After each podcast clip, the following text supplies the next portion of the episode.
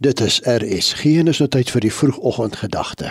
Dit word ver oggend aangebied deur Dominee Christo Botha van die NG Gemeente Protea Hoogte in Belwel. Goeiemôre vriende. Hulle sê mens kan nie met jou kar vorentoe ry deur in die triespieël te kyk nie. Maar hier teen die einde van die jaar is dit goed om 'n bietjie te reflekteer. Dis goed en nodig om terug te dink oor 2023. Watter verwagtinge het jy gehad vir hierdie jaar? Of drome of doelwitte? Dalk het die jaar anders verloop as waarvoor jy beplan of gehoop het. Het jou drome nie waar geword nie of het jy nie jou doelwitte bereik nie? Miskien het jy hard gewerk en jou beste gegee. Miskien het iemand jou teleurgestel of dalk het jy jouself teleurgestel. Ons lees in Romeine 8, maar in al hierdie dinge is ons meer as oorwinnaars deur hom wat vir ons liefhet.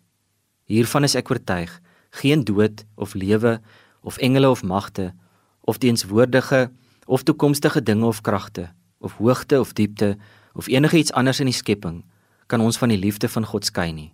Die liefde wat daar in Christus Jesus ons Here is. Ons weet dat God by ons is. Ons weet dat hy ons vashou al kan ons nie aan hom vashou nie. Hy sal ons nooit los nie. Hoewel dit soms nodig is om onsself los te maak van dit wat verby is en dit wat ons terughou. amper soos wanneer jy 'n rekkie wil skiet. Mens moet hom terugtrek en wanneer daar genoeg spanning op die rekkie is, dan los jy hom. Mens moet die rekkie los vir dit om vorentoe te gaan.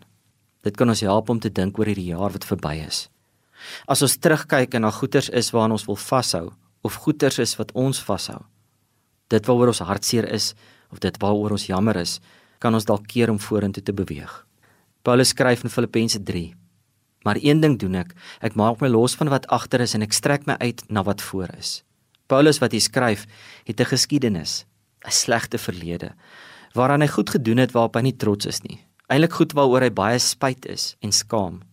Maar hy besef dat God hom in die toekoms wil gebruik en as hy wil gehoorsaam wees en graag God se drome vir sy lewe wil bereik, dan kan hy nie aanhou terugkyk nie. Hy moet vorentoe kyk. Hy moet die dinge wat verby is los en hom uitstrek na dit wat voor is. Dit is sekerlik normaal om aan die einde van 'n dag, 'n week, 'n maand, 'n jaar te voel dat daar dinge is wat nie uitgewerk het nie. Die lewe loop soms so. En daarom is dit goed om vir 'n oomblik te dink oor die lewe en sterwe van Jesus self. Miskien is daar 'n ander manier om na die feite te kyk wat ons kan help om anders te dink en te voel oor die jaar wat verby is. Meeste van ons sou glo dat wanneer jy doodgaan die lewe verby is en dit die einde is. So wanneer Jesus gevange geneem word, gekruisig is en sterf, lyk dit ook of dinge nou verby is want Jesus is dood. Maar God laat Jesus opstaan uit die dood en hy lewe weer.